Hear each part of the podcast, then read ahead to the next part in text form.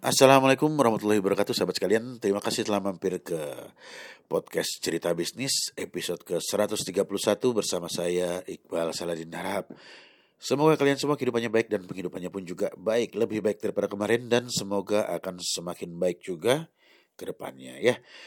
Dan kawan-kawan, podcast ini disupport oleh bantubisnismu.com, lohjinawi.id, dan Quantum Sinergi Umat. Uh, dan di podcast ini kita akan membahas tentang banyak hal ya terutama mengenai bisnis, manajerial, dan keuangan yang akan dibahas dari sudut pandang saya pribadi tentunya sebagai seorang praktisi bisnis dan pelaku investasi sejak tahun 2006. Harapannya supaya teman-teman mendengar yang mungkin ada keinginan untuk menjadi pengusaha atau buat uh, teman-teman yang barangkali aja udah kadung jeblos jadi pengusaha gitu ya. Ya barangkali aja teman-teman bisa mendapatkan insight yang berbeda setelah mendengarkan podcast ini. Dan kalau misalnya di podcast ini ada suara saya yang mungkin kurang jelas eh, sehingga uh, teman-teman merasa ada yang perlu ditanyakan gitu ya dan ada yang ingin didiskusikan monggo langsung kontak nomor WhatsApp yang dicantumkan di deskripsi di podcast ini. Oke. Kita langsung masuk ke sesi cerbis kali ini. Jadi kawan-kawan, di cerbis kali ini kita akan membahas tentang sukses. Jadi meskipun saya ini benernya nggak sukses-sukses amat gitu ya, ya masih jauh lah dari target yang ingin saya capai. Tapi kalau saya harus menjelaskan tentang bagaimana caranya sukses, maka saya akan menjawab seperti ini. Bahwa sukses itu adalah tentang seberapa banyak kita mengambil pilihan yang benar dalam hidup kita. Jadi gini kawan, kita ini manusia ya, pasti kita tuh dihadapkan dengan banyak pilihan dalam kehidupan kita, ya kan? Paling tidak dalam satu hari itu bisa jadi ada puluhan bahkan ratusan pilihan yang bisa kita ambil. Ya mulai dari kita bangun pagi gitu ya, misalnya kita mau langsung mandi apa enggak, terus abis itu mau sarapan pagi apa enggak, terus sarapan paginya mau nasi goreng atau mie, terus abis itu abis makan sarapan mau ngapain, apa mulai leleh dulu atau langsung uh, berangkat kerja, berangkat kerja enaknya jam berapa, jam 6 atau jam 6.30, terus berangkat kerja naik apa? Naik sepeda naik sepeda motor atau naik kendaraan umum atau naik mobil ya dan lain sebagainya lah. Artinya ada banyak pilihan yang bisa kita ambil di setiap harinya. Artinya apa? Semakin banyak pilihan ya dan uh, semakin banyak juga kita mengambil keputusan yang tepat maka itulah kunci sukses kita di kemudian hari jadi saya ini punya sahabat ya. Jadi saya punya sahabat, kita ini sering ngobrol tentang bisnis. Ya, bisnisnya ini kebetulan bergerak di bidang kuliner, jualan ayam lalapan. Dan dia sudah punya lebih dari 20 cabang.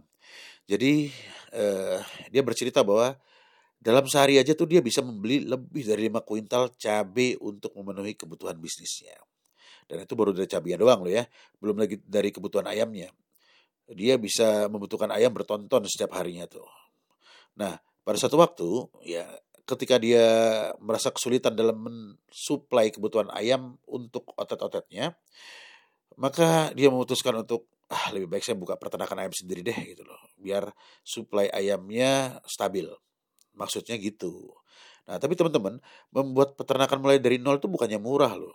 Ya kan? Cukup mahal, harus buat kandang dulu, harus beli uh, ayamnya, terus siapa yang miara harus dibayar juga kan? Ya, tapi dia punya duit, ya nggak apa-apa, Sultan mah bebas gitu ya. Nah, seiring dengan berjalannya waktu, bisnis ayam lalapannya ini mulai keteteran. Nah, kenapa? Karena fokus si kawan tadi ini terbagi dengan bisnis peternakan ayamnya gitu.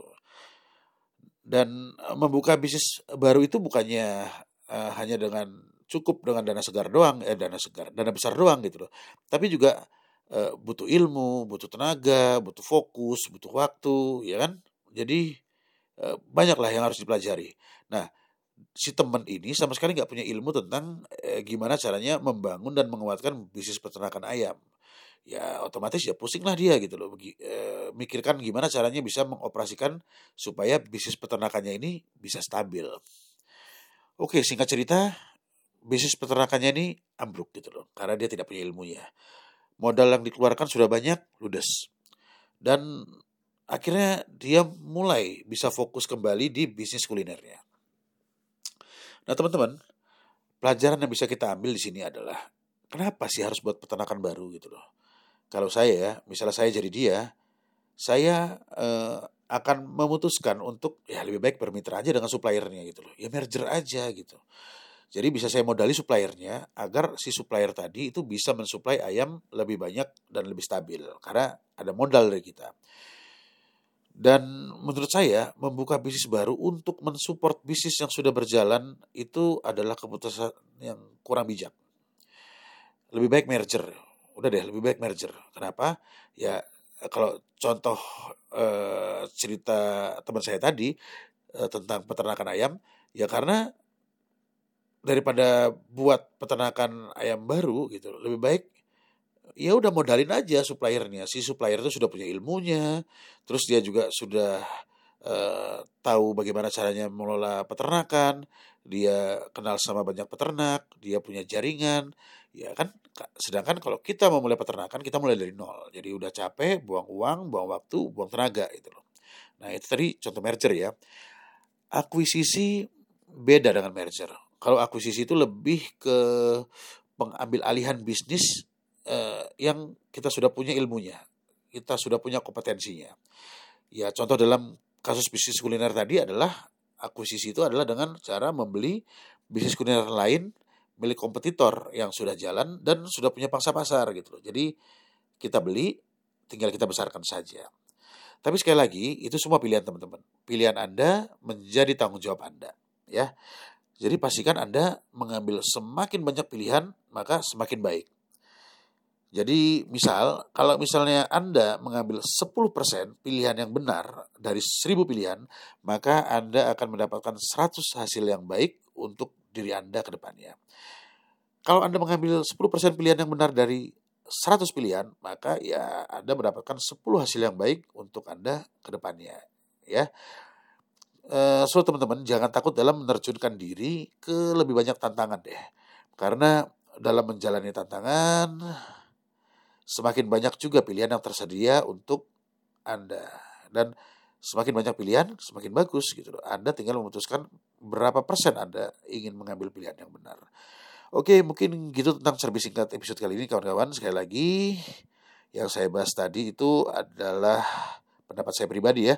Jadi kalau misalnya teman-teman ngerasa ada yang kurang jelas, omongan saya babaliut gitu, eh, dan ada yang ingin ditanyakan, ada yang ingin didiskusikan, Monggo sharing di nomor WhatsApp yang saya cantumkan di deskripsi di podcast ini. Semoga bermanfaat buat uh, teman-teman pendengar semuanya, terutama buat saya pribadi sebagai pengingat diri. Saya cabut dulu. Sampai jumpa di episode cerbis berikutnya. Assalamualaikum warahmatullahi wabarakatuh.